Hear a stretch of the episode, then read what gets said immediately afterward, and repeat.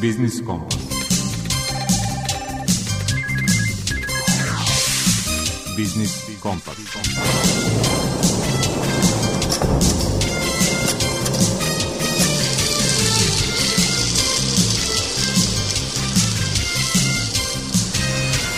Pred mikrofonom je Đuro Vukelić. Dobar dan poštovani slušalci. Vreme je za poslepodnevno druženje uz Biznis Kompas i naše sagovornike i autore koji vam nude niz zanimljivih tema. U rubrici Aktualno obeležit ćemo vek postojanja Novosadskog sajma kroz razgovor sa generalnim direktorom Slobodanom Cvetkovićem. Cvetković najavljuje kako će biti obeležen jubilej i očekuje uspešnu sajamsku sezonu.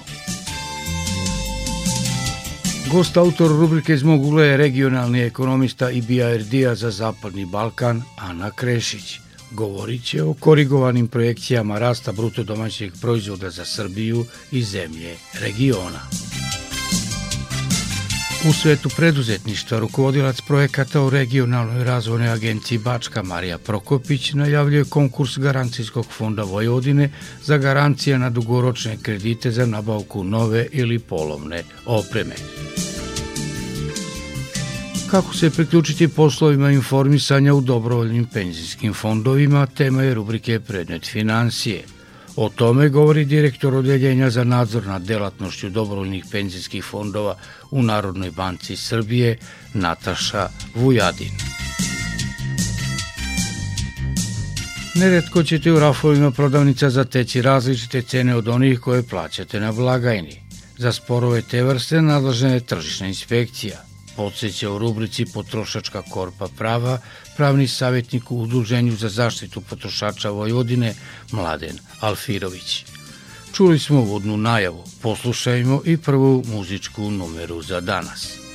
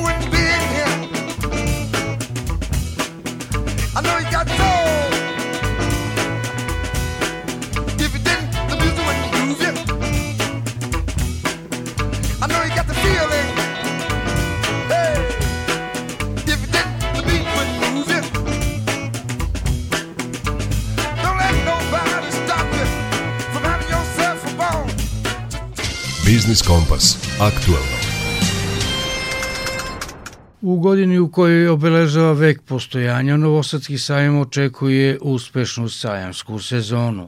Prve sajamske priredbe su rasprodate kao i najveći deo prostora za jubilarni 90. međunarodni poljoprivredni sajam koji će biti održan od 20. do 26. maja.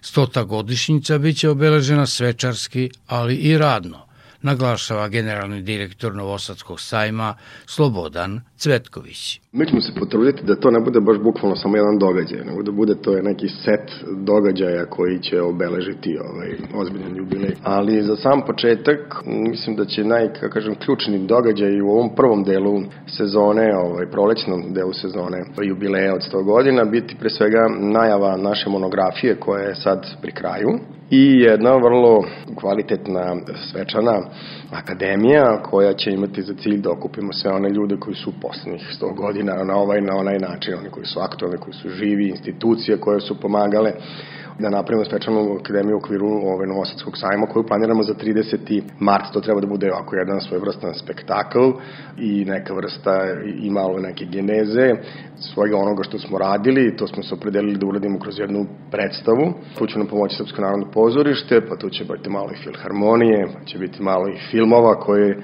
će biti snimljeni i montirani sa svom ovom velikom arhivom koju ima pre svega Novosadski sajam, a normalno je ovo sve ostale, da kažemo, službe koje su i zadužene da, da čuvaju istoriju jednog naroda, poključujući sajem tim i Novosadskog sajma. Tako da, te neke dve najsignifikantnije aktivnosti koje će se desiti povodom proslave 100 godina su upravo najava monografije i svečana akademija. Ono sledeće što će biti i što će biti najvažnije, to je taj 90. međunarodni poljoprivredni sajam, koji je takođe u, jubilej, u jubileju, je tako, 100 godina postojanja, 90. međunarodni poljoprivredni sajam, i sa tim ćemo, mislim, zaokružiti praktično ovaj prvi deo godine i najavu svega onog što smo spremili za 100 godišnicu. U ovih vek postojanja poslednjih godina, posebno 20 ili 30, bitno se menja sajamska industrija i samo profilisanje sajamskih manifestacija. U kojoj meri Novosadski sajam prati te promene? S jedne strane, stvarno se sve menja, a opet s druge strane sve isto. Kad pogledate sam sajamski biznis i samu, kako kažem, event industriju, sam sajamski događaj koji se desi, on ne odstupa u velikoj meri u odnosu na koncept koji je nekad bio. Ono šta se menja, menja se taj širi kontekst u kome se dešava biznis, menja se taj moment koji je vezan za informacione tehnologije koje stvarno u velikoj meri preuzimaju te komunikacijske kanale i olakšavaju da vi danas putem telefona stanete, kogod ima pametni telefon možda preko Google pretraži ne samo kompanije u Srbiji, regionu, nego u celom svetu, čak ako dođete u situaciju da je pitanje problema prevođenja, je tako? Vi imate onaj Translate, Google ili neke druge varijante koje mogu da vam pomognu da pogledate sajt na arapskom, da pogledate sajt na, na kineskom ili nekim jezicima koji su apsolutno nedostupni našem govornom području. Međutim, nevezano od svega toga, i dalje je, postoji potreba da se desi taj realan biznis, da se ljudi sretnu, da se vide, da se pruži ruka kada se zatvori posao, da deca i dan danas vole da dođu da vide ili možda još više vole da dođu da vide životinje na međunarodnom poljoprivrednom sajmu nego što je to bilo ranije, jer ranije ste mogli da ode kod babe i dede na selo pa da to vide, sad to jednostavno nije mogućnost, sad je ovde prosto atrakcija da dođete da vidite e, taj deo priče. To je sve što je vezano iz ugostiteljstvo koje je specifično ovde na Balkanu, je tako, ja vidim kako kad ljudi dođu sa strane, kako uživaju u svim specijalitetima koji budu spremljeni ovde od strane ljudi sa ugostiteljstva i tako dalje. Znači, ima još uvek tih nekih starih stvari, tih starih nekih načina funkcionisanja koji su još uvek atraktivni. A opet, s druge strane, treba negde naći svoje mesto i u tojim informacijalnim tehnologijama, znači ne gubiti ni tu ritam.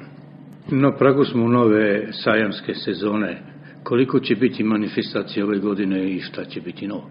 Pa držimo se otprilike kalendara kao i prethodnih godina sa, ne, sa nekim preteranim iskakanjima. Ono što sad startujemo e, sezonu u martu mesecu će biti sajam knjiga i sajam obrazovanja koji je već pre mesec dana potpunosti rasprodat postoje veliko interesovanje i dobra je priča, već godinama unazad je to sajam koji je, da kažem, u nekoj ekspanziji i svake godine se traži kvadrat više.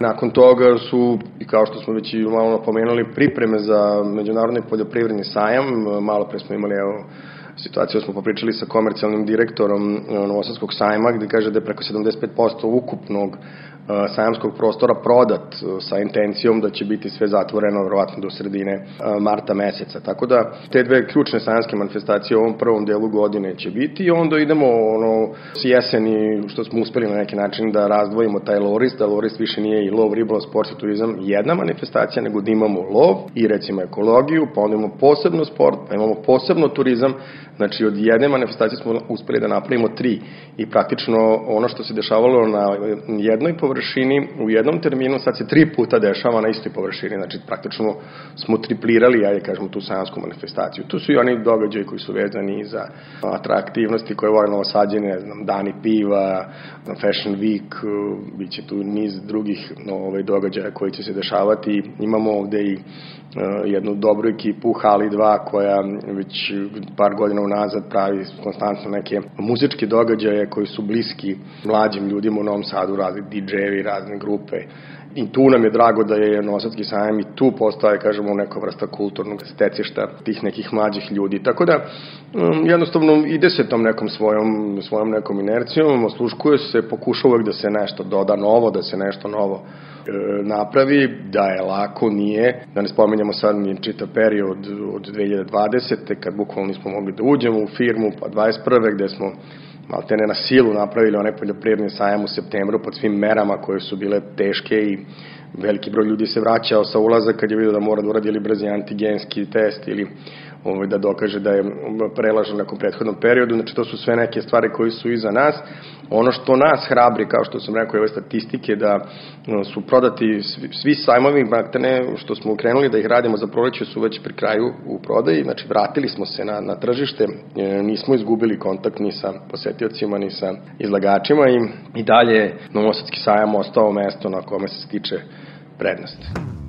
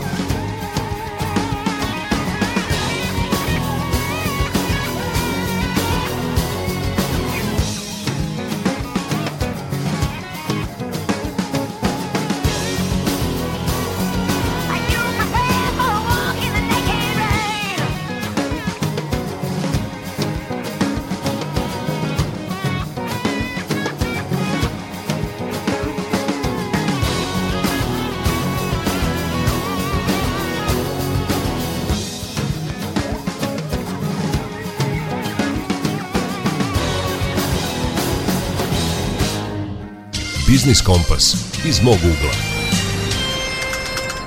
Evropska banka za obnovu i razvoj ovih dana je poprilično umanjila projekcije rasta bruto domaćeg proizvoda za Srbiju i ostale zemlje regiona – zbog čega u rubrici iz mog ugla objašnjava regionalni ekonomista IBRD-a za Zapadni Balkan Ana Krešić. Privredni rast je usporio prošle godine u Srbiji kao i generalno na Zapadnom Balkanu i, i to je posebno vidljivo u drugoj polovici godine.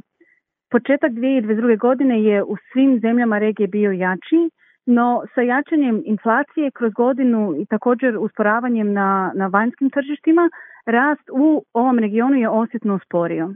To se oslikava u usporavanju potrošnje domaćinstava, u usporavanju rasta izvoza, a u nekim zemljama regiona i u, i u nižim nivoima investicija. EBRD očekuje da će ekonomski rast dodatno usporiti u 2023. godini. Mi smo nedavno izdali revidirane projekcije rasta i u više od polovice od ukupno 36 zemalja kojima poslujemo, uključujući i u Srbiji i u Zapadnom Balkanu, revizije su na niže. Zašto? U, u 2023. dakle u ovoj godini očekuje se značajno spravanje tržišta Europske unije usred visoke razine cijena, usred energetske krize i svih drugih efekata rata u Ukrajini. Više kamatne stope u regiji, ali globalno će također nastaviti utjecati na ekonomsku aktivnost. S obzirom na, na generalno i tradicionalno jaku povezanost Zapadnog Balkana sa europskim tržištem, ovakva situacija će se neizbježno preliti na ekonomsku aktivnost u regionu. Nadalje, iako su stope inflacije počele padati u većini zemalja Zapadnog Balkana, očekujemo da će, da će cijene ostati relativno visoke kroz ovu godinu također. Ovi i svi ostali faktori će nadalje utjecati na ekonomski rast.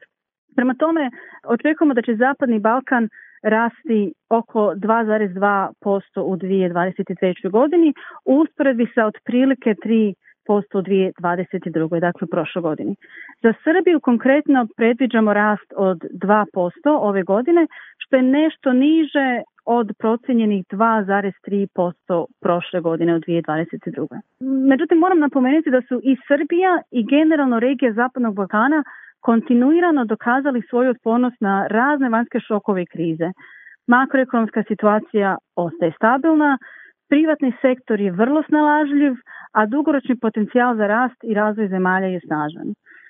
Prema tome, EBRD očekuje da će ekonomski rast ponovno ojačati u 2024. godini.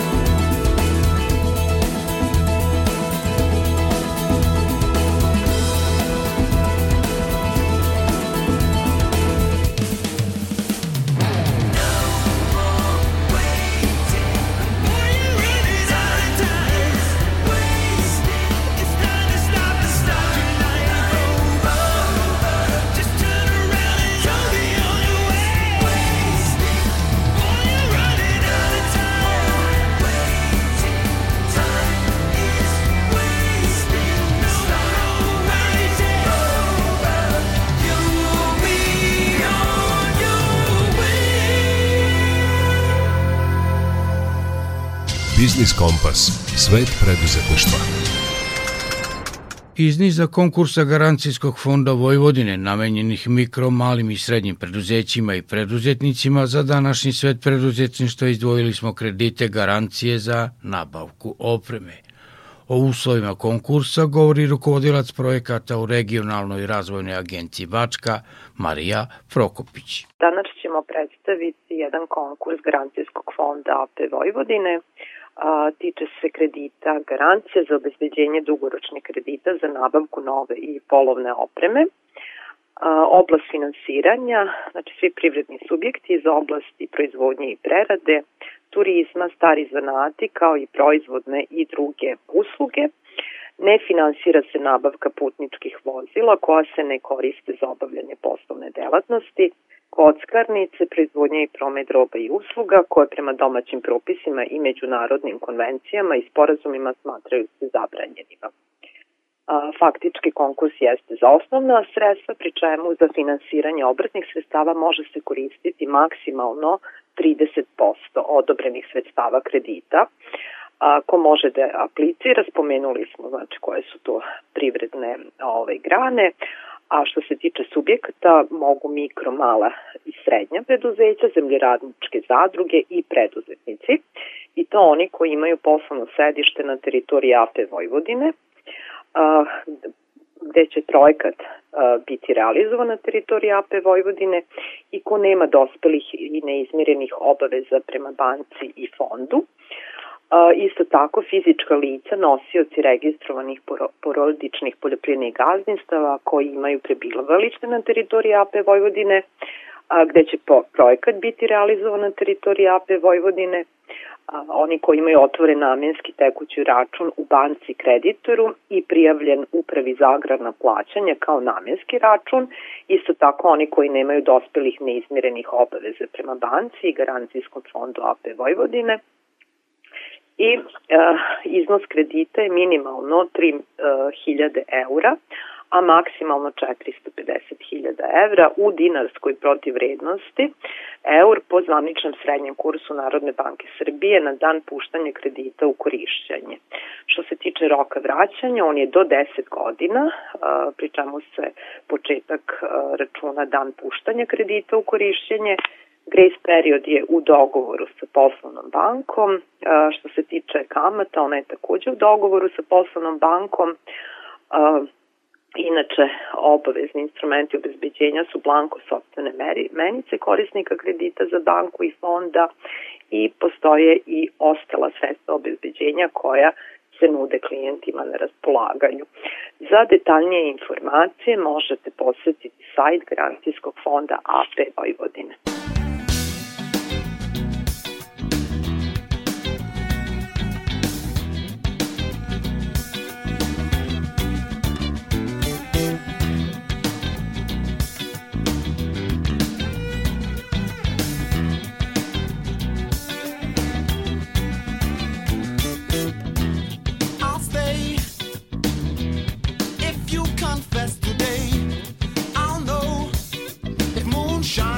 shines the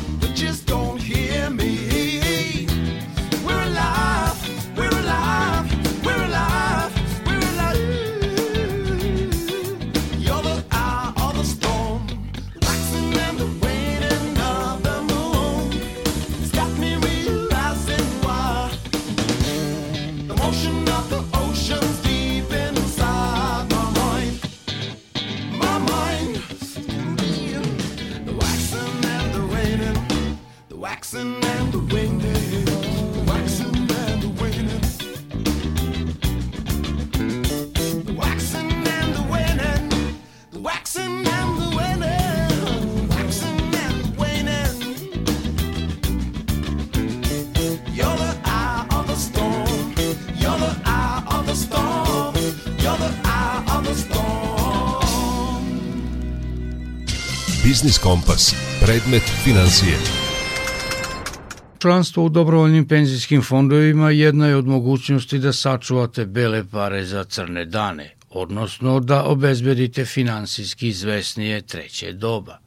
O tome kako se priključiti poslovima informisanja u dobrovoljnim penzijskim fondovima govori direktor odeljenja za nadzor nad delatnošću dobrovoljnih penzijskih fondova u Narodnoj banci Nataša Vujadin. Da bi neko lice moglo da obavlja poslove informisanja o članstvu u dobrovoljnim penzijskim fondovima, mora naravno imati dozvolu Narodne banke Srbije za obavljanje takvih usluga.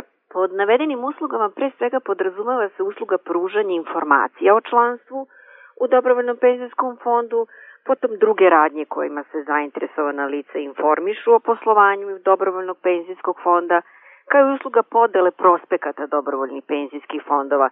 Međutim, važno je napomenuti da ta lica ne mogu primati novčane uplate radi kupovine investicionih jedinica – E, za sticanje pomenute dozvole, Narodna banka Srbije je neophodna da zainteresovano lice položi najpre stručni ispit za obavljanje ovakvih poslova, koji Narodna banka organizuje najmanje dva puta godišnje, ali naravno po potrebi može organizovati i češće. Na ispitu se proverava poznavanje propisa kojima se uređuje poslovanje društava i funkcionisanje sistema fondova uopšte. Sam program stručnog ispita, koje je sačinila inače posebna komisija koja se bavi izdavanjem pomenutih dozvola, kao i obrazac prijave za polaganje ispita, može se naći na internet stranici Narodne banke Srbije zajedno sa svim ostalim neophodnim informacijama. Međutim, važno je reći da, pored položenog stručnog ispita, lice koje želi da obavlja ove poslove, mora imati ispunjene i sledeće uslove – tačnije najmanje srednju školu, najmanje šest meseci radnog iskustva u nekoj finansijskoj instituciji ili pak u nekom drugom privrednom subjektu koji se bavi drugim privrednim delatnostima i mora ispunjavati uslov da mu nije sudskom odlukom izrečena zaštitna mera zabrane obavljanja delatnosti koja ga čini nepodobrim za obavljanje ove vrste usluga. Inače, za obavljanje usluga pružanja informacije o članstvu u dobrovoljnom penzijskom fondu, društvo za upravljanje mogu angažovati dakle sva lica koji ispunjavaju navedene uslove i koje su stekla naravno ovu pomenutu dozvolu. Međutim, osim ovog neposrednog angažovanja tih fizičkih lica od strane društava za upravljanje, bitno je da napomenemo i da društvo može angažovati i određene finansijske institucije kao posrednike za obavljanje ovakvih poslova. Prema trenutno važećim propisima, finansijske institucije koje mogu biti posrednici su banke i osiguravajuća društva. Međutim, važno je da naglasimo i da njihovi zaposleni koji obavljaju poslove informisanja o članstvu takođe moraju imati dozvolu Narodne banke Srbije i ispunjavati sve ove uslove koje sam prethodno navela. Za kraj bih svakako dodala da sve evidencije o posrednicima društava za upravljanje kao i o fizičkim licima koje su dobila dozvolu za obavljanje poslova informisanja o članstvu u dobrovoljnim penzijskim fondovima dostupna je na zvaničnoj internet stranici Narodne banke Srbije.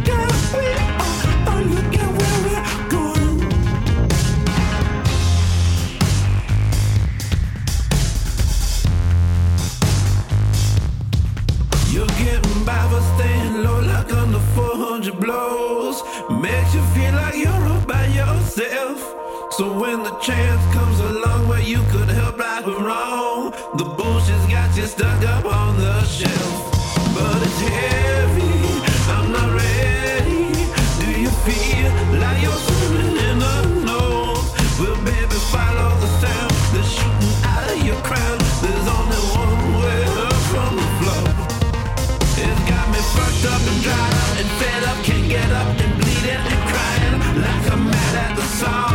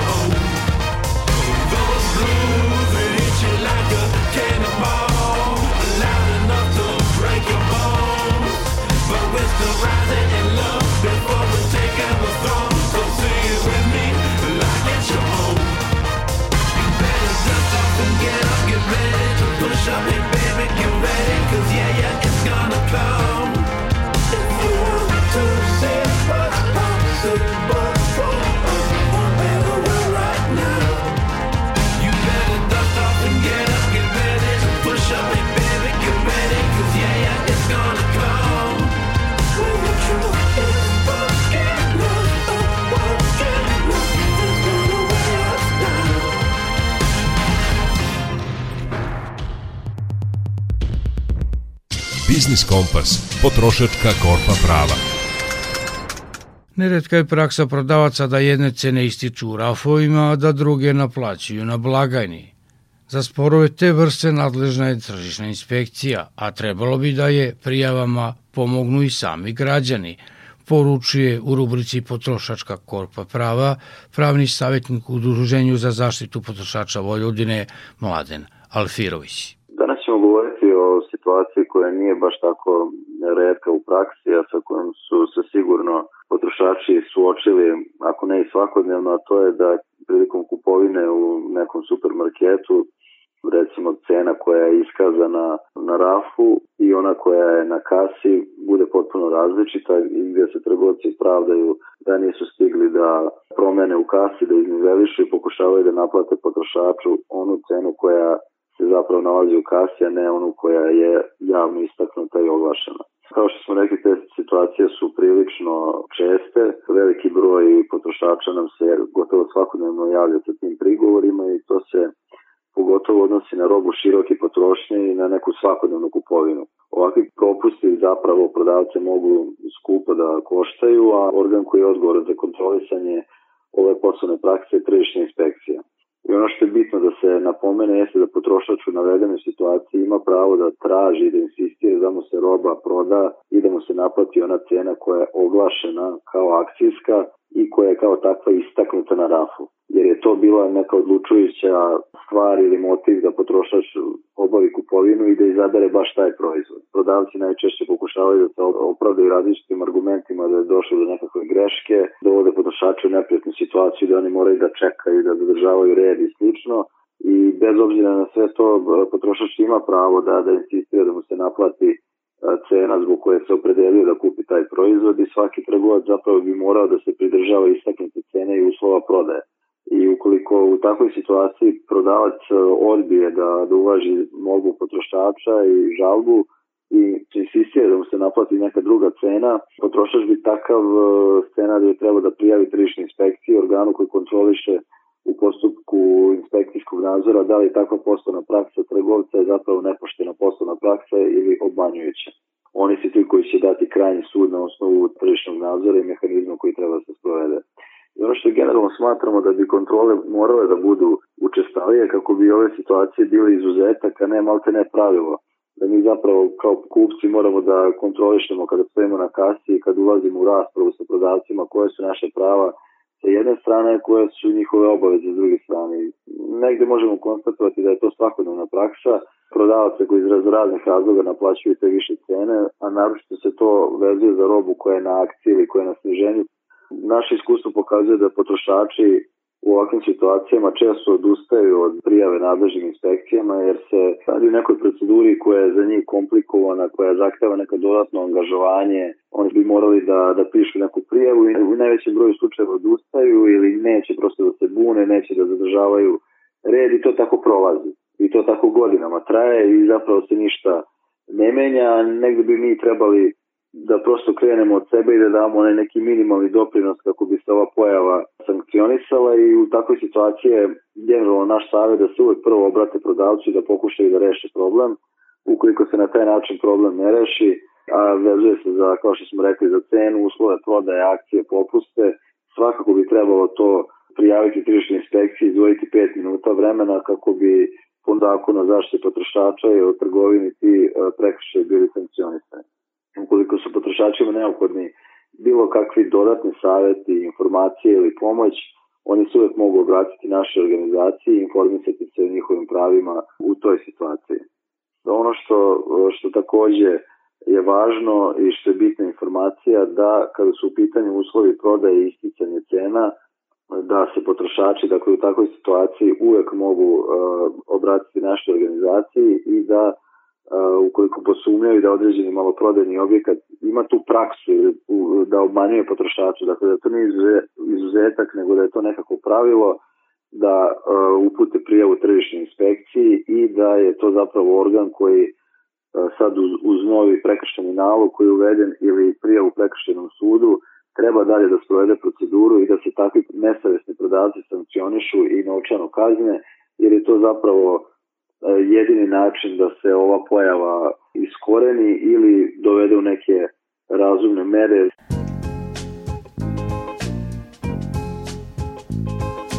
Paid the cost to be the.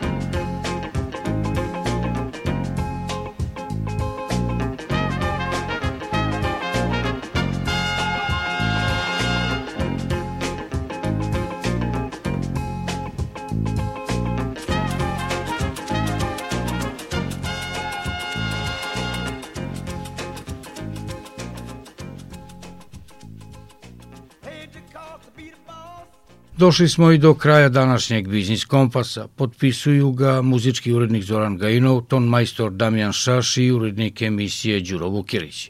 Slušajte nas i posredstvom internet stranice Radio Televizije Vojvodine, podcasta Odloženo slušanje. Sa novim sadržajima i sagovornicima družit ćemo se tačno za sedam dana. Zdravi bili i čuvajte se.